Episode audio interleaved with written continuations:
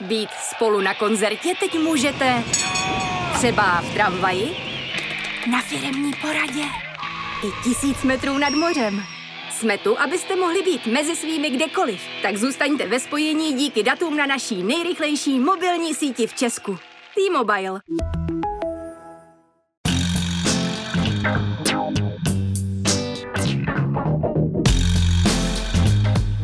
Je pátek 11. listopadu, 261. den od ruského útoku na Ukrajinu.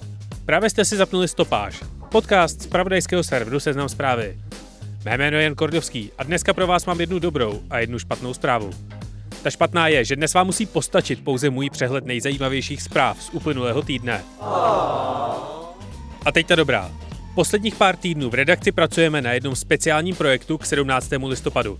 Říkáme mu Odraz 89. Aby vzpomínky na sametovou revoluci nebyly zase jenom svíčky, stužky, národní třída a nostalgičtí padesátníci, posadili jsme k sobě zástupce tehdejší revoluční generace a ty, kterým je dnes stejně jako těm prvním v roce 89. Příští týden vám ve feedu stopáže přistanou tři extra epizody, které vás doufám budou bavit a třeba přinesou nějaký nový pohled na porevoluční dění a možná i na mezigenerační rozdíly. Věnovat se budeme několika důležitým tématům. Třeba hned v první epizodě mý hosté Veronika Holcnerová z Extinction Rebellion a Jaromír Bláha z Hnutí Duha takhle mluví o boji za záchranu životního prostředí.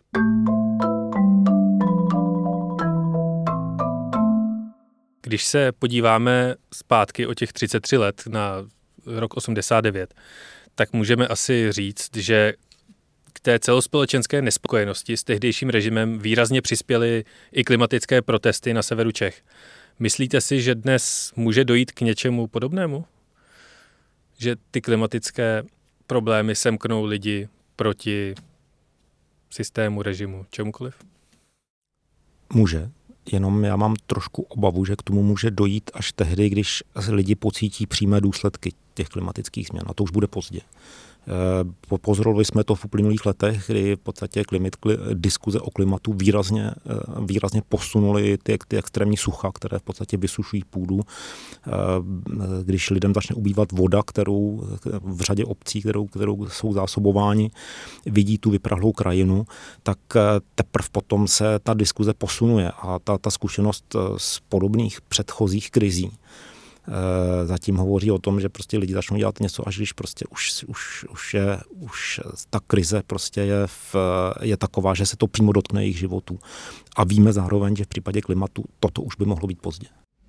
No, já si myslím, že uh, není otázkou, jestli to nastane. Myslím si, že ta pravděpodobnost, že to nastane ve chvíli, kdy už se bude něco opravdu dít, je uh, limitně se blížící 100%. Uh, vidíme to vlastně ve spoustě částí světa, když uh, začnou nějaké nepokoje, tak uh, velmi často na pozadí toho je uh, dlouhodobá neúroda, sucha a tak dále.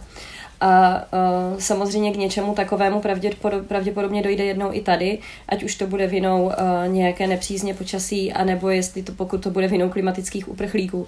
Těžko v tuhle chvíli soudit, ale uh, samozřejmě, že se lidé začnou bouřit. Ale v tu chvíli už rozhodně bude pozdě. To klima má tady tu nepříjemnou vlastnost, nebo respektive my jako lidé nejsme schopni úplně pojmout to klima, protože je nám příliš vzdálené, je to příliš komplexní problém a netýká se nás osobně nebo netýká se nás osobně dnes, a bude se nás týkat až ve chvíli, kdy uh, vlastně bude pozdě přistoupit k nějakému rozumnému řešení.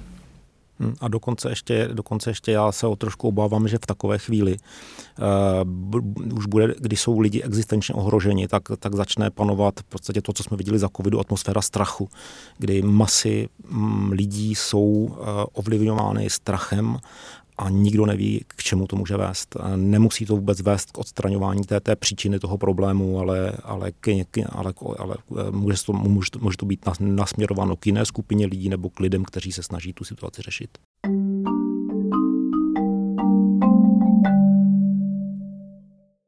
Ale zpátky ke stopáži. Jako každý týden jsem pro vás vybral přehled těch, alespoň podle mě, nejzajímavějších zpráv z uplynulého týdne.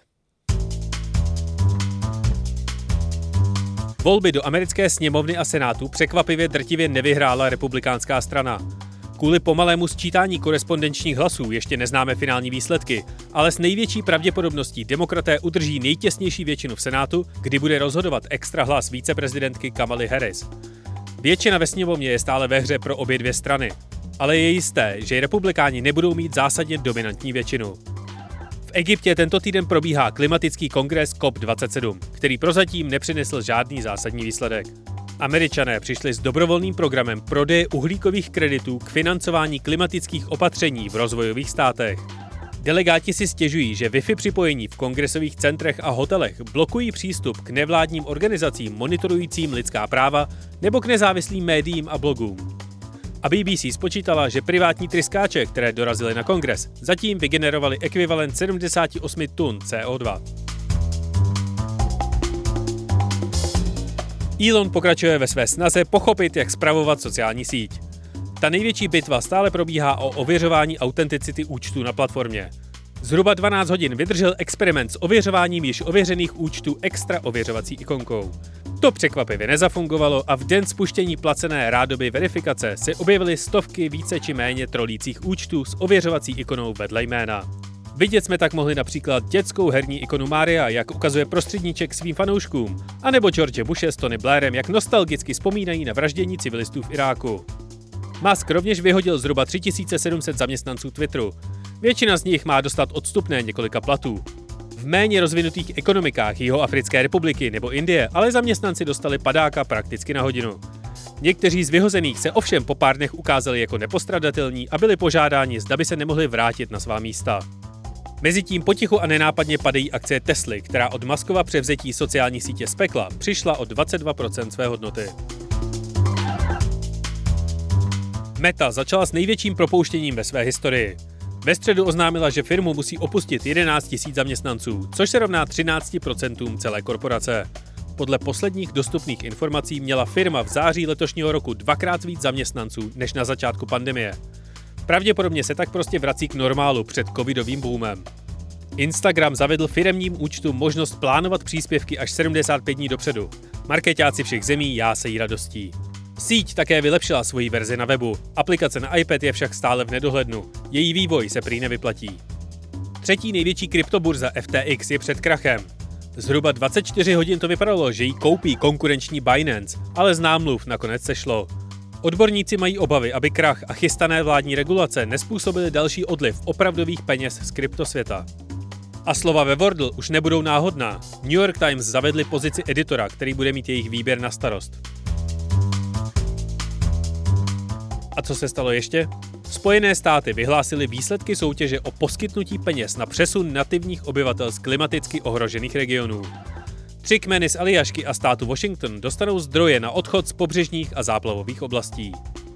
Disney Plus přibylo ve třetím čtvrtletí 12 milionů předplatitelů. Pokud sečteme všechny streamovací služby ve vlastnictví Disney, firma už spravuje víc účtů než dosud vládnoucí Netflix.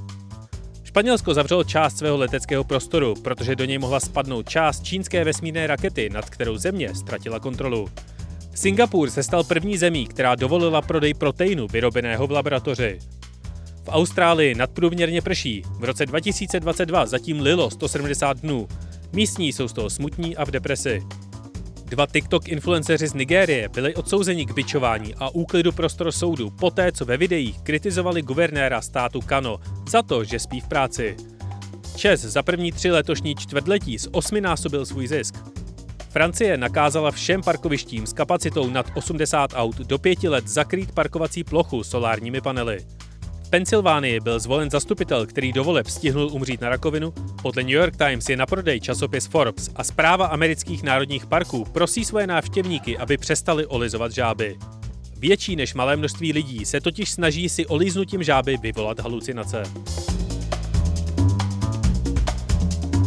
A stalo se toho mnohem, mnohem víc. Vynikající je třeba nejnovější epizoda ságy s otevřením Pražského hradu veřejnosti. Odcházející Miloš Zeman se opět rozhodl ohnout realitu o 180 stupňů. Podívejte se na seznam zprávy, kde celou aféru rozebírají naši reportéři a komentátoři.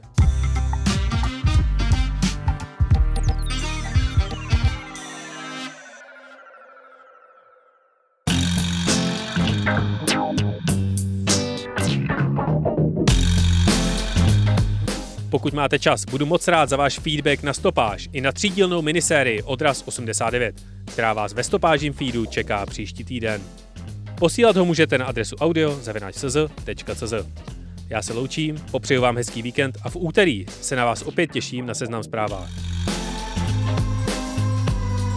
A náhodný fakt nakonec? V roce 2019 odsoudil švédský soudce tři drogové dílery a jako součást trestu jim zabavil 36 bitcoinů. Bohužel jejich cenu ohodnotil ve švédských korunách a po dvou letech výkonu trestu tak muži díky nárůstu hodnoty kryptoměny dostali zpátky od švédského státu 1,3 miliony eur.